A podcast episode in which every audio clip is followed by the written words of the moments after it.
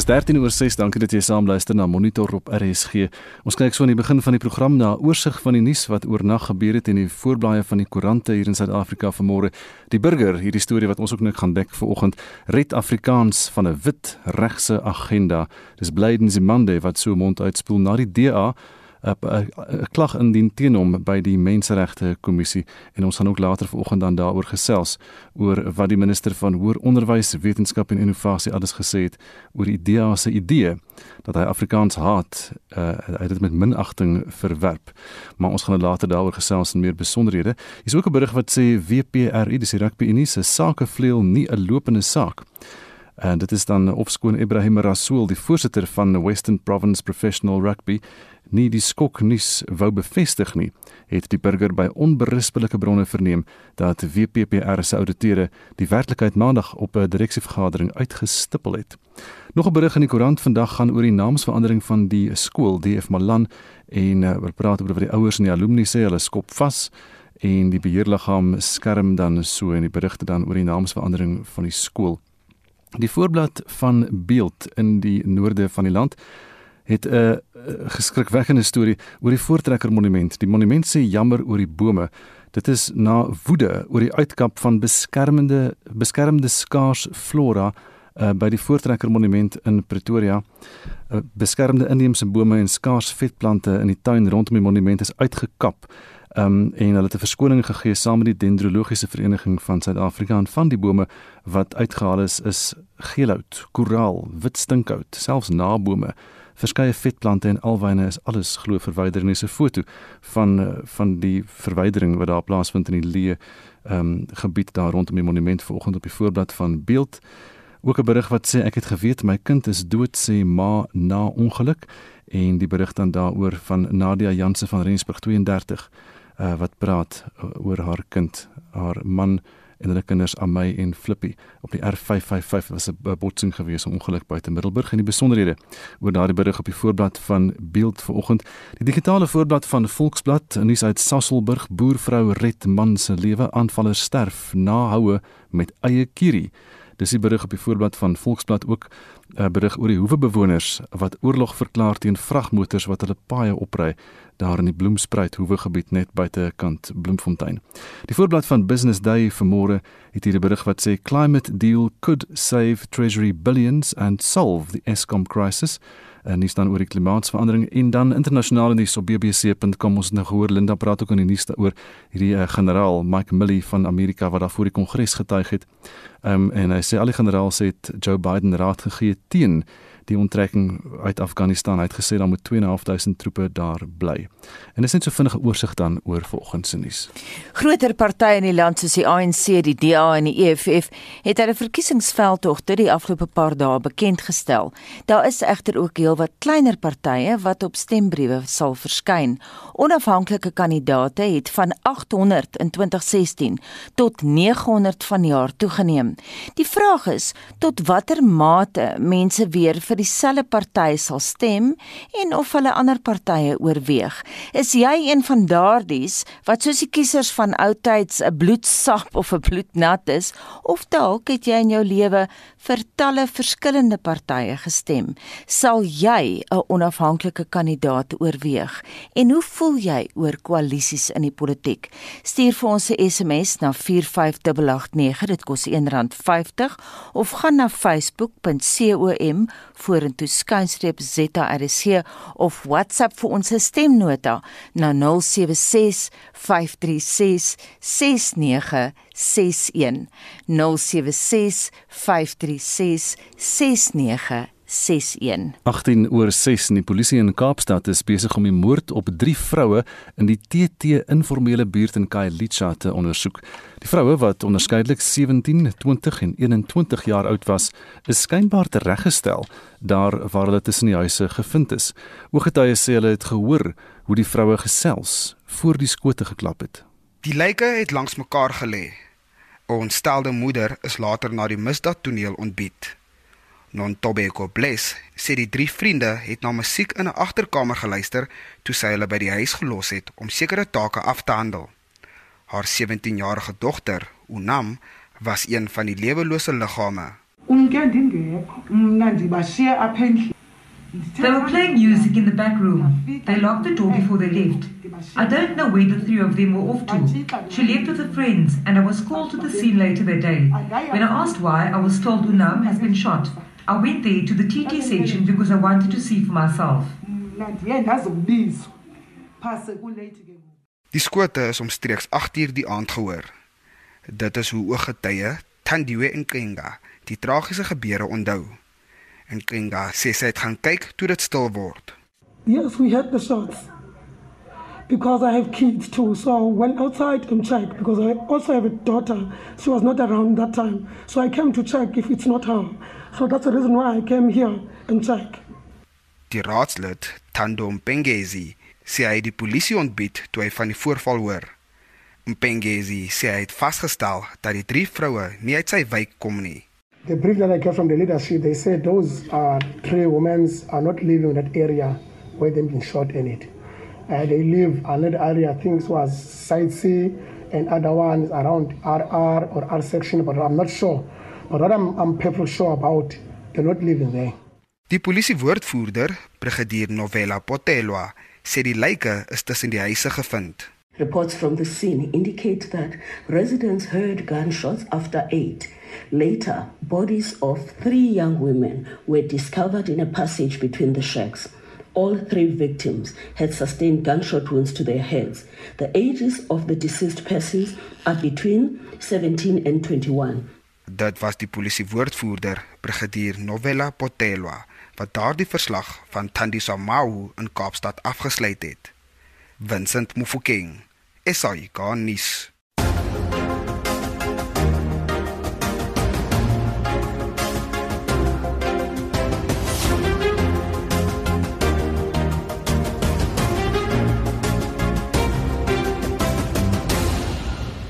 Op Bethlehem in die Oos-Vrystaat kla sakeondernemings dat die Diglabeng plaaslike munisipaliteit nie die dienste lewer wat nodig is om 'n floreerende sakegemeenskap te ondersteun nie. Cheryl Downing is by die Business Networking organisasie op die dorp betrokke. Nee, ek glo nie die Diglabeng munisipaliteit skep enige geleenthede vir besighede om te floreer nie, definitief nie. Wat is julle grootste klagtes? Natuurlik is daar geen instandhouding vir paaie binne in die dorp nie. Die omstandighede lyk eintlik op die oomblik glad nie goed in ons dorp nie. Waterprobleme is chaoties deesdae. Pype wat bars, mense is gereeld sonder water en dit skep natuurlik aansienlike probleme vir huishoudings. 'n Voormalige burgemeester van die Diglabeng munisipaliteit, eers onder die DA en later ook die ANC, Clem Harrington, sê rondom die dorp is volop damme.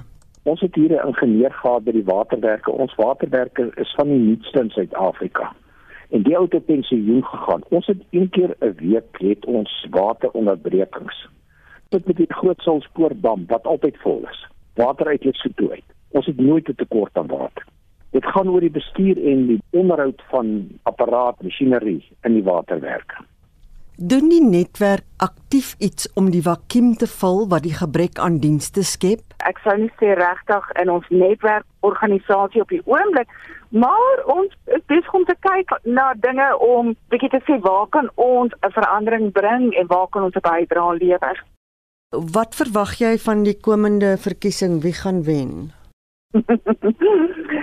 ja, die antwoord is van selfsprekend, hoor, wie sal sekerlik maar weer wen, nee maar ons hoop maar die ander kan goeie kompetisie wees. Isolde Laikseke gaan as 'n onafhanklike kandidaat in die Diglabeng munisipaliteit in die komende verkiesing staan. Volgens haar is daar 'n gebrek aan dienslewering net soos in die meeste munisipaliteite is. Wat ons dorp uniek maak is dat dit eens op 'n tyd genoem was die juweel van die Oos-Vrystaat. Ons het basies dieselfde probleme as enige ander munisipaliteit van afvalsverwydering dwarsdeur tot rioolstorting in een van ons groot riviere in. Op hierdie stadium is dit van so aard dat ons laste lankal ons bates oorskry. Laiseke sê die gevolg van die gebrek aan dienste is dat sakeondernemings ondergaan en ander nie inkom om te belê nie. Mense onttrek uit die dorp uit en ons platteland is besig om te ontplatteland. Almal gaan stad toe. En net soos almal weet, daar is nie werk in die stad nie. Die platteland kan nie ontvolk nie, want op die stadium is ons afhanklik meer as wat mense besef afhanklik van ons landbouers. Laiseke beklemtoon dat die politieke terrein nou reg is vir onafhanklike kandidaate binne koalisiepolitiek. Partypolitiek is holrigery. Mense wat ek te doen kry dag vir dag klagtes wat inkom en die antwoorde wat ek kry is ons is moeg vir politieke partye en die beloftes wat hulle maak voor die tyd. As jy kyk na die magspel wat plaasvind, ek glo dat 'n koalisie politiek uiteindelik gaan die norm word. In hierdie stadium is daar sowat 30 ANC-lede in die Diglabeng munisipaliteit. 'n Duidelike meerderheid om te oortuig om besluite te neem. My teenvraag gaan wees: wat het die mense wat nie vir die ANC stem nie? Wat het daardie verteenwoordigers van daardie partye die laaste 5 jaar gedoen om sekere dinge te laat gebeur in die vyf dorpe? En dit is vreesaanjaend as jy vir die mense die vraag vra. Hulle is verteenwoordig hoeveel stemme wat nie ANC is nie en hulle verskoning is elke keer maar ons het nie die finale stem nie. Die grootste leemte is volgens Laiseke dat die bestaande oppositie nie genoeg druk uitoefen om die ANC meerderheid verantwoordelik te hou vir die geld wat byvoorbeeld vir padonderhoud begroot is, maar wat nie daaraan bestee word nie. As dit nie vir die inkomste was van hierdie munisipaliteit wat hulle uit ons Eskom rekening uittrek nie, dan was daar nie meer 'n munisipaliteit gewees nie. Kan jy dink wat die impak gaan wees as ons sê ons het genoeg gehad en ons onderhandel nou direk met Eskom? Laiseke noem dat sy as aktivis baie in die dorp reg gekry het. Ons praat van sake wat reeds by die valke ingedien is, sake wat reeds by die groen skerpe joene ingedien is. Dit is vyf sake van een enkele gemeenskapslid.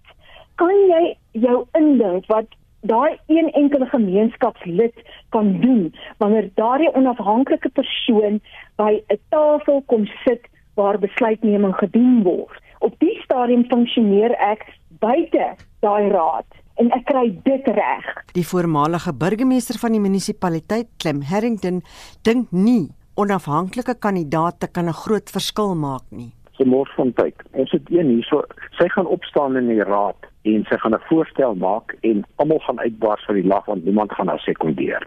Harrington sê die ANC sal sy sokkies in plaaslike regering moet optrek. Hulle kan dit doen, hulle het uiters kundige mense. Nou die vorige burgemeester, hy het 2 grade op wits gekry. Ons het hom nie vreeslik baie op die kantoor gesien nie, maar hy het maandagooggend so tussen 10 en 11 gekom, dan sê ek hierdie goed gedoen het die week. Nou wat het van hom geword? Daai faksie om hom. Ons is nie een week terug in die huidige raad nie dit gaan oor persoonlikhede binne die ANC wat mekaar haat. So is dit nou die Zuma faksie wat in is. Ek sal nie dit sê hier by ons nie. Ons het 'n baie sterk Ismabashule faksie nog steeds in die Oos-Vrystaat. Clem Harrington, 'n voormalige burgemeester in die Diglabeng munisipaliteit in die Vrystaat wat Bethlehem, Clarence, Fourierburg, Paulroo en Rosendal insluit. Mitsi van der Merwe, SAK-nuus.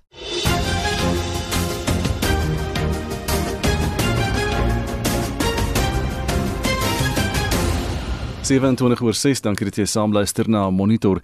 Die prys van Brent olie het vir die eerste keer in 3 jaar aan die 80 dollar per vat geraak. 'n Ekonom Hugo Pinaar van die Buro vir Ekonomiese Onderzoek op Stellenbosch glo dit sal regstreeks 'n uitwerking op die Suid-Afrikaanse brandstofpryse hê. Daar is verskeie faktore wat op hierdie stadium die oliepryse hoër druk. Die vraag na olie is besig om te herstel in sommige wêrelddele na mate lande oor die ergste van die Delta variant kom en ekonomiese aktiwiteit weer optel. Die gastekort in dele van Europa wat ons nou ervaar, lei ook tot verhoogde vraag na olie wat die prys hoër druk. Dan is daar ook faktore aan die produksiekant en daar is verskeie beperkings tans insluitend dat sekere olieontginningsfasiliteite in die kus van Mexiko gesluit is weens orkaanaktiwiteit.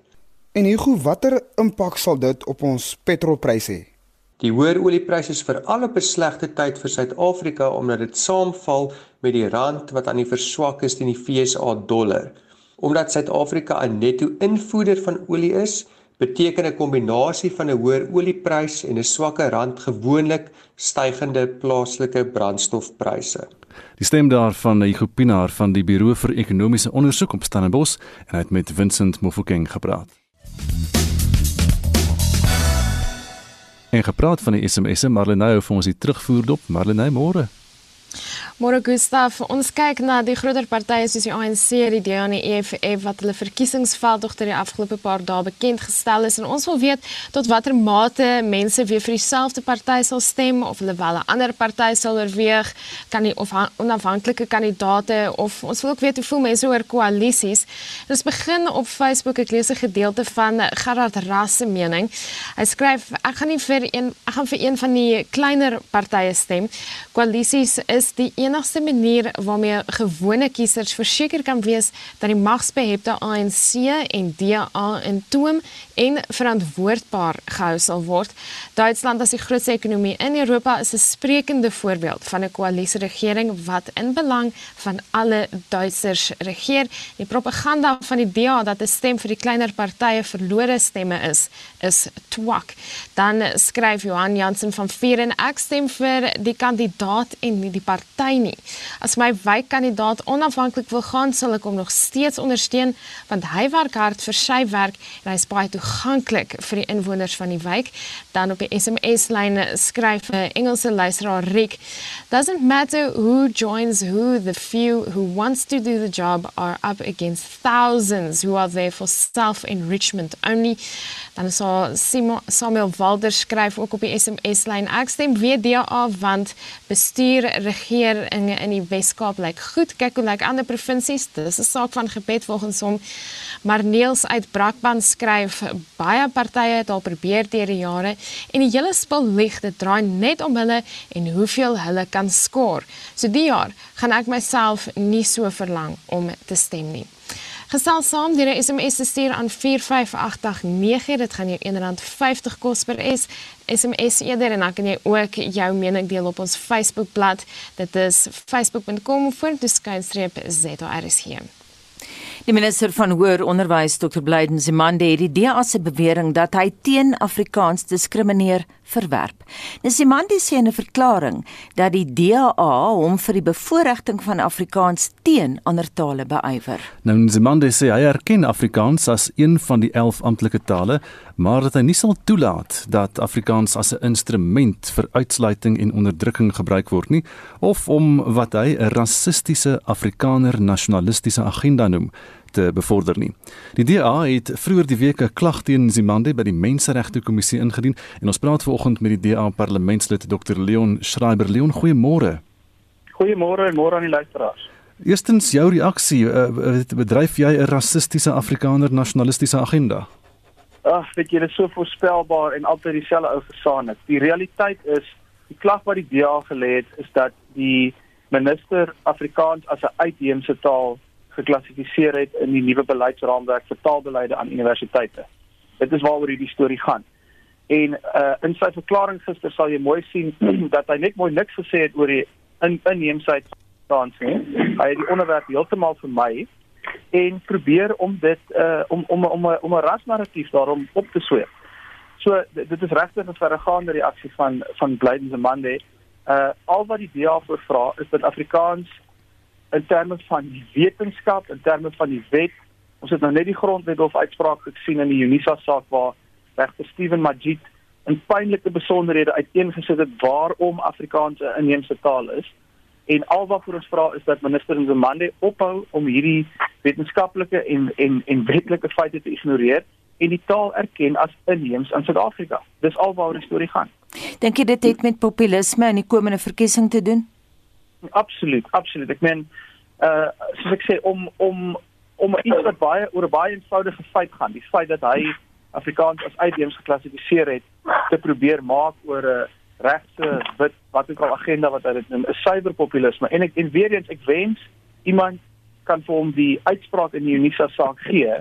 Uh want daar maak regter Steven Majid dit baie duidelik dat dit misleidend en skadelik is om heeltyd Afrikaans as hierdie witmanstaal, hierdie taal van die onderdrukker te vers wanneer die meerderheid, die oorgrootste meerderheid van mense wat vandag Afrikaans sprekend is, is nie wit nie, swart mense, bruin mense en dit is presies wat die Unisa Hof se hofuitspraak uiteensit en vir minister Nzimande om dit te ignoreer en presies homself skuldig te maak aan dit wat teen regter Majid gewaarsku het, is suiwer politieke populisme van die hoogste graad en jy weet dit is presies hoekom hy goed doen soos die taal as uitheems klassifiseer want hy weet dit gee vir hom die geleentheid om mense te verdeel en uiteindelik seker tipe oneerlike raspolitiek te bedryf. Daardie um, Unisa uitspraak waarvan jy praat, lees baie mooi, maar hierdie minister moontlike punt beet wat hy dalk nie goed stel nie in, in terme van dat die dat Afrikaans nie bevorder moet wees bo die ander tale nie, dat almal gelyk behandel moet word en nie, nie as 'n manier van onderdrukking gebruik word nie.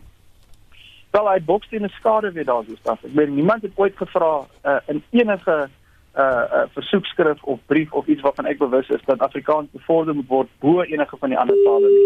Maar wat dan gebeur is dat deur Afrikaans as uit te klassifiseer, ja. uh word Afrikaans nie net nie gelyk geag nie, maar dit word aktief ondermyn. En as jy kyk na die impak van daai taalbeleidsraamwerk, so dis nie net woorde op 'n papier nie.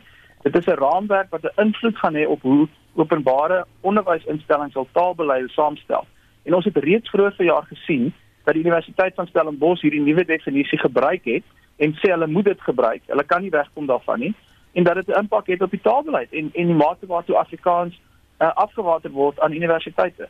So hierdie ding het praktiese impakte in die regte wêreld uh wat glad nie gaan daaroor dat Afrikaans bevorder moet word bo ander tale nie. Hmm. Dit gaan daaroor dat Afrikaans gelyk erken moet word as 'n inheemse Suid-Afrikaanse taal wat hier ontwikkel het en net hier gepraat is en wragtig so inneem soos die kokerboom in die Protea is en die feit dat minister Nzimande dit wil nie wil erken nie laat hom is baie agterdogtig oor die politieke agenda hierso. Leon het baie belangrik het nou 'n paar keer verwys na die uitspraak deur die konstitusionele hof. Gaan dit julle argument help? Ek dink beslis so. Ek ek dink eintlik minister Nzimande het nie 'n been om op te staan nie. As jy kyk na die net na die die die feite op die tafel. Uh soos ek sê, daar's daar's eintlik geen argument van 'n wetenskaplike oogpunt af waar Afrikaans vandaan kom nie. Dit is 'n taal wat geskep is deur uh die samekoms van mense van hier van Suider-Afrika maar ook van reg oor die wêreld en dit het hier ontwikkel en daarmee voldoen dit reeds aan die definisie van 'n inheemse taal. Die grondwet of uitspraak het dit nou deel van ons grondwetlike onderbou bevestig dat Afrikaans inheems is en daardie status behoort te geniet.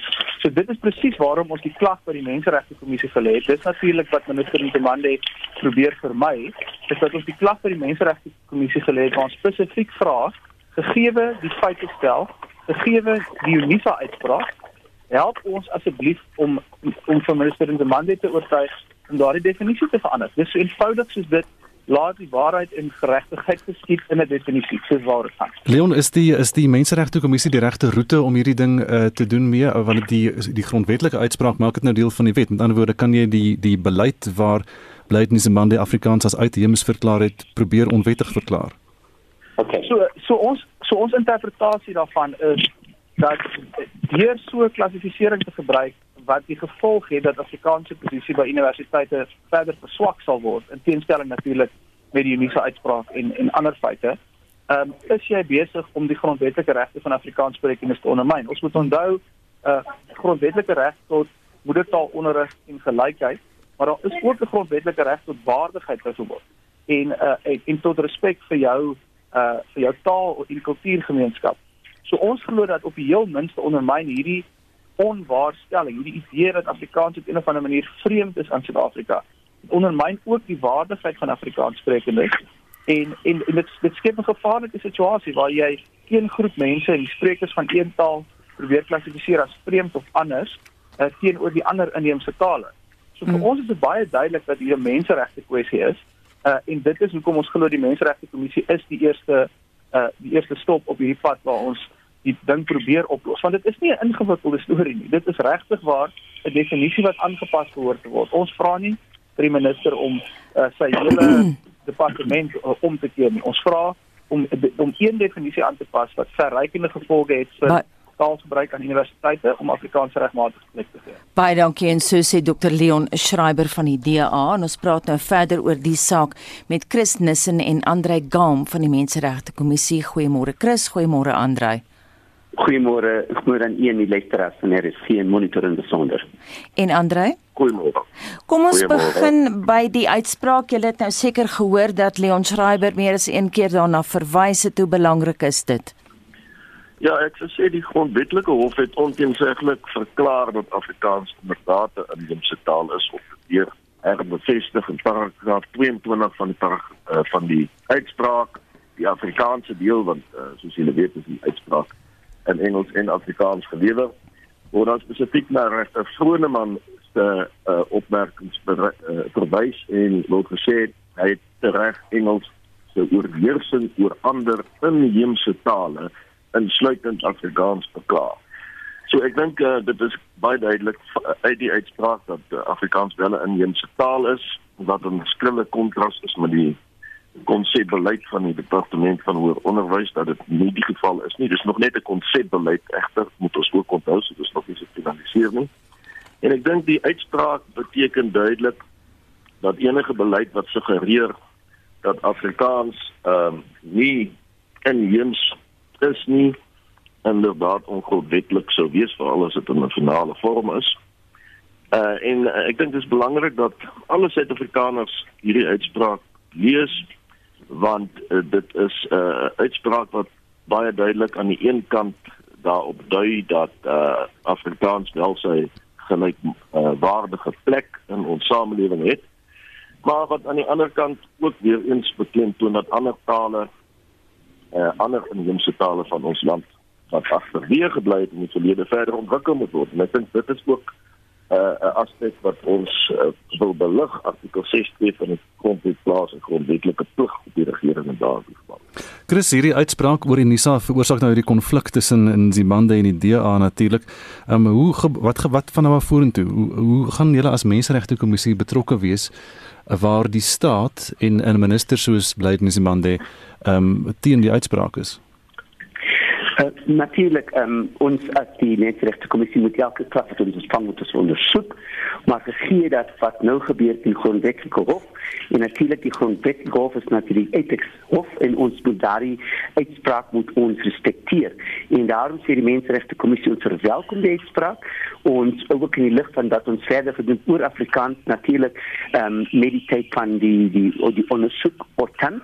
Maar ook zelfs voor dat het uh, onze voormalige uh, uh, commissaris Danny Titus en in Godtroos se siel nie weet ek nou lede maar hy was een van daardie persone wat binne die kommissie Afrikaans tot bevorder as gevolg van die feit dat hy natuurlik vir die ASKP gewerk het maar ook uit sy eie as 'n persoon wat gestreef het om Afrikaans 'n regmatige deel in die Afrikaanse gemeenskap uh, daar te stel. Daarom die kommissie verwelkom die uitspraak en sê dat nou dat ons sien ons sal natuurlik verder daaroor moet moet moet moet moet dus uh, uh, praat en en ook die gemeenskappe wat so belangrik is. En jy weet in die gemeenskap waar ek vandaan kom, is dit baie duidelik vir ons 'n uh, 'n uh, 'n uh, 'n soort uh, van oorwinning om te sê dat die afgelope jare en dekades en en eeue heen waar Afrikaans uit ons gemeenskap het ontwikkel en nie net met ons nie, maar tesame met al die ander gemeenskappe wat die vorming van 'n Suid-Afrikaanse gemeenskap begin het. Mm -hmm. sien julle dit as julle rol Andre dat julle moet verhoed dat taal 'n politieke speelbal in die aanloop tot die verkiesing word? Ja, ons wil nie dit met 'n politieke speelbal word nie en ek wil net dit ook baie duidelik stel dat ek het reeds Vrydag op ENCA gesê en weer Sondag in rapport voordat hierdie klagte gelê is dat uh, ek hierdie kwessie dat of dat die kommissie hierdie kwessies gaan opneem met die minister in die in die lig van die uitspraak die hele die hele kwessie van die, die uitsluiting van Afrikaans as inheemse taal in die konsepbeleid. So die klagte het daarna gekom dit was op die kommissie se eie inisiatief dat ons aangedien het dat ons die minister in die verband sou nader. Ons dink nie dan moet dit politieke speelbal gemaak word. Jy van dit is 'n belangrike kwessie. En dit is 'n kwessie wat nou vir eens en vir altyd uh hanteer moet word en daarom sal ons dit opneem minister. Chris hierdie uitspraak van Unisa het baie duidelik gestel regter Majid se uitspraak het hy geskryf dat Afrikaans is nie 'n witmanstaal nie dit word deur 'n meerderheid swart mense gepraat en hy die hele ontstaansgeskiedenis daar gaan skryf en verduidelik van hoe die taal uh, ontstaan het nie as 'n wit taal nie.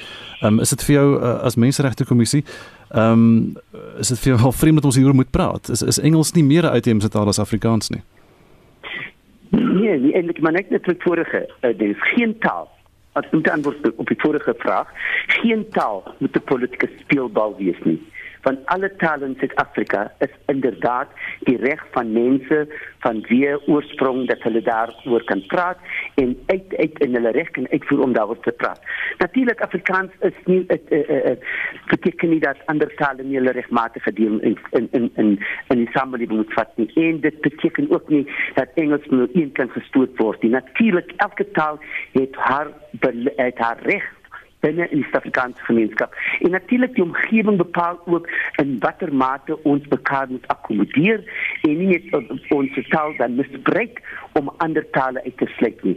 En daarom is die uitspraak van uh, van van die grondwet dat dat eh, Afrikaans is nie net uh, Afrikaner of 'n wit taal nie. Ja. Afrikaans is die taal van etlike gemeenskappe reg oor Suid-Afrika het sy oorsprong in die veral in die breingemeenskap waar ons Afrikaans wat en jy het gesien oor die afgelope paar maande waar die Afrikaanskap, Kaaps Afrikaans, toe uitgekom het as deel van die ontwikkeling van Afrikaans binne die Suid-Afrikaanse gemeenskap. Baie dankie en so sê Chris Nissen en Andre Galm van die Menseregte Kommissie.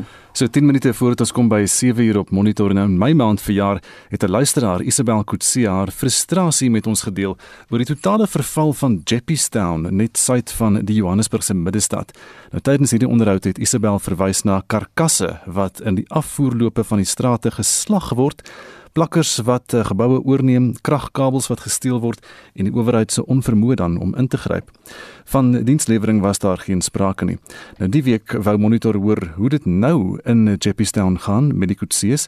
Die familie het hulle motoronderdeel besigheid Wingate Motors op 1 April 1960 daar gestig. Helaas moes die Kutsees egter die prys betaal vir die regering se onvermoë om sy burgers en hulle sakeondernemings te beskerm absoluut niks het gebeur nie. En toe kom die onluste in Julie. Toe kom die onluste in Julie. En wat gebeur toe? Kan ek prontuit sê? Ja. Toe sien ons ons gat. Toe wen die plakkerskamp City of Johannesburg het gewen. Hulle hoef nie te werk nie. Hulle hoef nie aandag te gee aan Jeppystown, aan City en Suburban Straat nie, want al die maatskappye in ons straat is verwoes. Hoeveel was ah, daar? Sewe maatskappye. Al sewe. Al sewe is rot en kaal besteel ons maatskappy nadat hulle ons beveel het, is alles afgebrand. Hulle het tot die toilette uit die mure uitgebreek, die waterpype is uit die mure uitgebreek, die kragbokse is van die mure afgebreek. Die geboue is binne geplunder en toe steek hulle dit aan die brand. As ons saamtel, die sewe maatskappye plus minus 100 gesinne sonder 'n inkomste. Danksy ons liewe plakkers wat alle reg het. Ek ekskuus, ek is verskriklik bitter oor hierdie ding. Ek weet almal het die reg op behuising. Almal het die reg om te lewe, maar niemand het die reg om te verwoes nie. Isabel, vertel ja. my van daai dae van verwoesting in Julie. Die 10de Julie, daai datum is vasgeëts in my brein. Ek glo nie ek sal hom ooit in my lewe kan vergeet nie. Ons het kom kyk, ons maatskappy, alles was goed geweest. Die optog het verby beweeg. Almal in die strate was nog 100% daar was geen toegang tot geboue nie. En So om en by kwart voor 4 middag sit ek by die huis en my foon gaan af en ek sien dit is die alarmmaatskappy. En ek sê vir my man daar begin hulle by jou workshop se deur soos vir die alarm afgaan. En dit het hulle plus minus 'n halfuur gevat toe gaan die ander alarm af op die ander kant van die groot shutter deur. Dis ek vir my is in ons gebou. En ek bel onmiddellik die sekuriteitsmaatskappy ek bel die SAP Hulle sê vir my, jammer, hulle kan my nie help nie. Hulle is besig om by die bottelstore in Bertrams. Ek sê vir die alarmmaatskappy, maar ons betaal julle om ons gebou te beskerm. Nee, hulle kan nie daarin gaan nie. Dit is te violent. En ek weet jy vir die volgende halfuur het my foon afgegaan en ek kon presies vir jou verduidelik watter minute is hulle in watter gedeelte van ons gebou en ek sê vir my man, daar's hulle besig om ons lewe te verwoes en ons kan niks doen nie en ek bly die SAP bel, ek bly die sektor forum bel en hulle almal sê vir my hulle kan niks doen nie. Hulle is besig in Bertrams. Dit is so plus minus 10 km van ons werk af. Die volgende oomblik te kry ek 'n oproep dat trek rook uit ons gebou uit en ek bel onmiddellik die brandweer. Nadat my oproep 5 keer afgesny is, toe kom ons uiteindelik deur en toe sê die dame vir my jammer ons het nie 'n brandweer waar vir julle nie, ons kan julle nie help nie. So julle besigheid is nou onderdeur. Hy's onderdeur. My man, hy's die workshop manager by Wingate. Hy het vanaf hy sy ambag geslaag het in 1976, het hy begin gereedskap bymekaar maak, spesiale gereedskap gemaak om sekere dinge te kan doen. Alles is weg. Alles, alles. Hulle het nie van 'n boutjie in die workshop gelos nie. Die skok vir hom was so groot dat hy 'n hartaanval gehad het. Ek was so gefokus. Ek moet iets doen, ek moet geld kry, ek moet hier betaal die einde van die maand. Ek het nie afgekom met my man se langs van kry hartaanval nie. Ek het eers twee dae later besef hy het hartaanval gehad. Isabel, so die besigheid is tot niet. Al die besighede in daai straat is tot niet. Ja. Maar hoe leef julle nou? Ons is gelukkig en en ek ek weet nie wat is die Afrikaanse woord daarvoor nie. Baie humble deur ander maatskappye wat Hoongate se geskiedenis ken en dadelik uitgereik het en ons probeer help. Ons het plus minus 3 tot 4 miljoen rand se voorraad verloor van bestellings wat klaar aangekom het wat nog betaal moet word, maar dit is weg. Dit is absoluut weg. Ons het hierdie maatskappye gehad wat ons gekontak het en gesê hoorie se kom ek gee vir julle gedeelte van my werkswinkel kom bring julle voertuie in kom werk hier van my af gee my 'n minimale kommissie as dit 'n geslaagde herstelwerk is. En so het ons begin sodat ons net ten minste huur kan betaal en kos kan koop en ons kan 'n gedeelte teruggee aan ons maatskappy om die skuld af te betaal. As ek genoeg verkope kan doen vir die maand, dan weet ek daar's 'n salaris wat aan my kant toe kom. Ons is nie op vol salaris nie. Ons sal seker nooit weer op vol salaris kan wees waar ons was nie, maar ten minste kry ons genoeg nou om ons huur te kan betaal en kry die nuusware te kan koop. Daar was mense wat vir my man gereedskap geskenk het. Die basies geskenk het dat hy net iets kan doen net, net om sy moraal weer te kan lig. Dat hy dit daai gevoel kan kry van ek beteken nog iets, ek kan nog met my hande werk. Hulle het ons gebou gevat, maar net nie ons harte en ons siele gevat nie. Isabel, waar sit julle nou? Van waar werk julle? Jy sê al daai besighede in Jeppystown en daai straat van julle is verwoes ja. en tot niet. So van ja. watter deel van Johannesburg werk julle nou? Ons is in die hoër gedeelte van Jeppystown, amper in die middestad. Dis 'n maatskappy wat vir ons hulle werkswinkel is twee vloere en hulle het vir ons die boonste vloer gegee as ons 'n afspraak kry vir 'n voertuig om in te kom na Frans, maar hoorie so is die spasie kan ons hierdie voertuig inbring en natuurlik probeer ons dan die werk so vinnig as moontlik doen sodat ons nie onnodige spasie opneem in hulle werkswinkel nie. Ons kan dit doen. Ons kan weer op a, ons sal nooit so Wingate kry waar Wingate was in die 61 jaar wat dit 'n lewende legende was. Ons sal dit nooit regkry nie. Maar ons kan 'n moderne Wingate weer bou. Want ons het die kennis, ons het die passie, ons het die kontakte, ons weet wat ons doen en ons het 'n reputasie. Die stem daarvan Isabel Kutse wat gister met Anita gepraat het. En daarvan gepraat hier is Marlenae.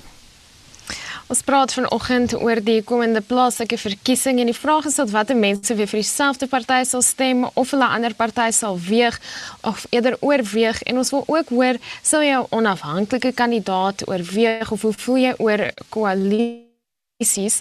Ons begin op die SMS lyn daar skryf 'n anonieme luisteraar: Koalisies is nie 'n opsie nie.